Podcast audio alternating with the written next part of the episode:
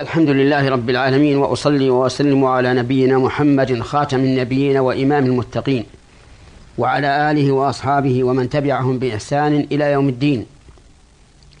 أما بعد أيها المستمعون الكرام فهذه هي الحلقة من حلقات أحكام وفوائد القرآن الكريم. كنا تكلمنا على فوائد قول الله تعالى الذين يأكلون الربا لا يقومون إلا كما يقوم الذي يتخبطه الشيطان من المس. ذلك بأنهم قالوا إنما البيع مثل الربا وأحل الله البيع وحرم الربا.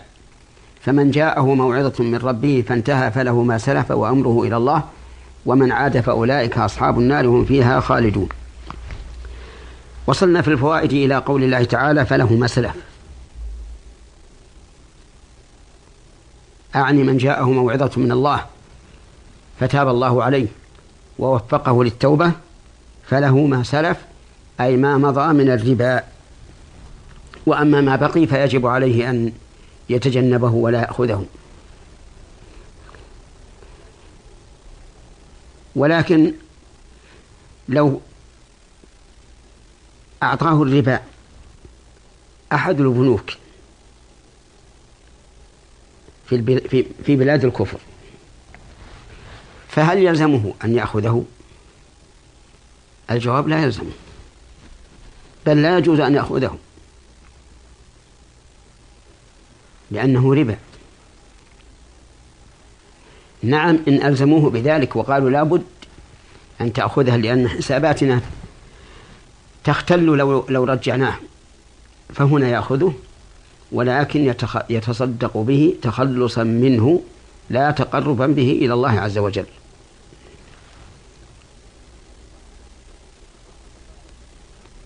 فإن قال قائل لو أبقيناه ولم نأخذه انتفعت به الأمم الكافرة. وربما يوجهونه إلى الكنائس ومعابد الكفر أو إلى مصانع الأسلحة ليتقووا بها أو يقاتلوا بها المسلمون أو يقاتلوا بها المسلمين. قلنا هذا محتمل. وفي احتمال آخر ربما يكون أرجح منه.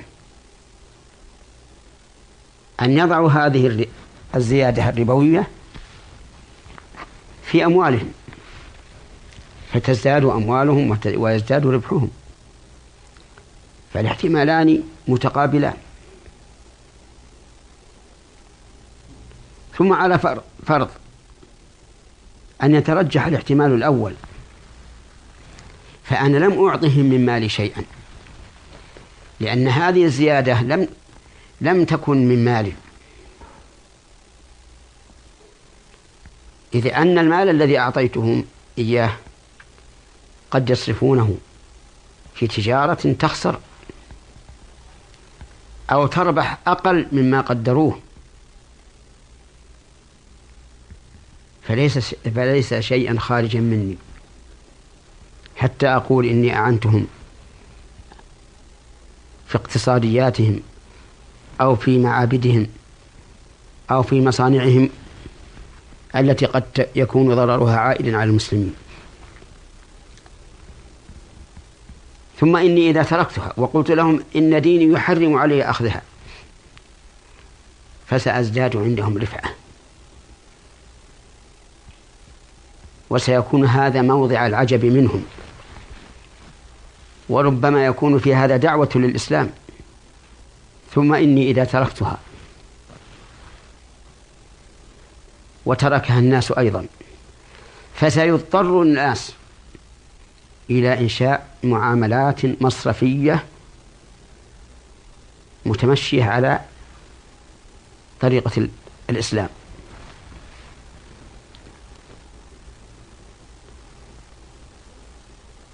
ثم إني إذا أخذتها. فهم يعلمون أن الإسلام يحرم الربا. بل الربا محرم في شرائعهم. فيكون المسلمون محل قدح عندهم. أن يكون هؤلاء مبارزين بمعصية دينهم أو بمخالفة دينهم وهم يدعون أنهم مسلمون.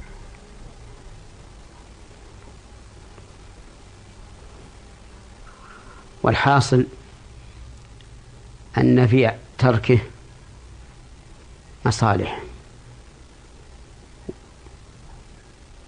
ودرء مفاسد. من فوائد هذه الآية الكريمة أن الله تعالى بعد أن قال فله ما سلف أعقب ذلك بقوله وأمره إلى الله. وهذا فيه شيء من التحذير من الربا. أي أنه بعد أن عفى الله عنه مع ذلك قال أمره إلى الله فلا يدرى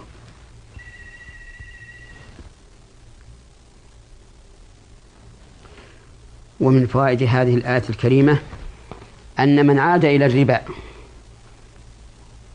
بعد أن تبين له تحريمه فإنه من أصحاب النار الذين هم فيها خالدون. وهذا وعيد شديد.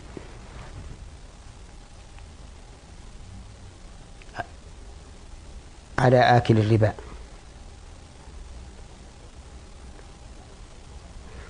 وإن كان القول الراجح الذي هو مذهب أهل السنة أن آكل الربا لا يخرج من الإسلام ولا يستحق الخلود في النار. لكن يخشى إذا نبت جلده على الحرام ألا تستجاب له دعوة ولا تقبل منه عبادة. فتكون النار أولى به والعياذ بالله. ومن فوائد الآية الكريمة إثبات العقوبة بالنار.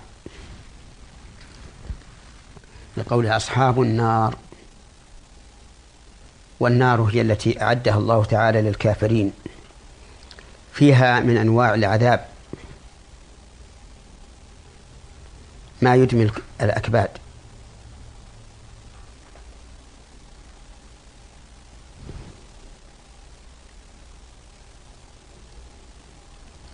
ومن فوائد الآية الكريمة إثبات الخلود في النار. وهو بالنسبة للكافرين خلود مؤبد.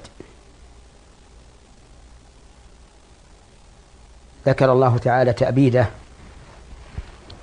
في ثلاث آيات من القرآن الكريم. فقال تعالى في سورة النساء إن الذين كفروا وظلموا لم يكن الله ليغفر لهم ولا ليهديهم طريقا إلا طريق جهنم خالدين فيها أبدا. وكان ذلك على الله يسيرا. وقال تعالى في سورة الأحزاب إن الله لعن الكافرين وأعد لهم سعيرا خالدين فيها أبدا. لا يجدون وليا ولا نصيرا. وقال تعالى في سورة الجن ومن يعص الله ورسوله فإن له نار جهنم. خالدين فيها أبدا. فهذه ثلاث آيات من كلام الله عز وجل. وكلام الله تعالى أصدق الكلام. وحكمه فوق كل الأحكام. فلا أحد يحجر على الله تعالى في أحكامه وإذا أخبرنا جل وعلا أن أهل النار الذين هم أهلها خالدون فيها أبدا فليس لنا بعد ذلك قول. ولهذا كان مذهب أهل السنة والجماعة أن أهل النار الذين هم أهلها خالدون فيها أبد الآبدين والعياذ بالله. أجارنا الله وإياكم من عذاب جهنم وجعلنا من أصحاب الجنة وختم لنا بالخير والسعادة والتوحيد والإيمان والإيقان وجعل خير أيام خير أعمارنا آخرها وخير أعمالنا خواتمها وخير أيامنا وأسعدها يوم نلقاه إنه على كل شيء قدير. وإلى حلقة قادمة إن شاء الله تعالى. والسلام عليكم ورحمة الله وبركاته.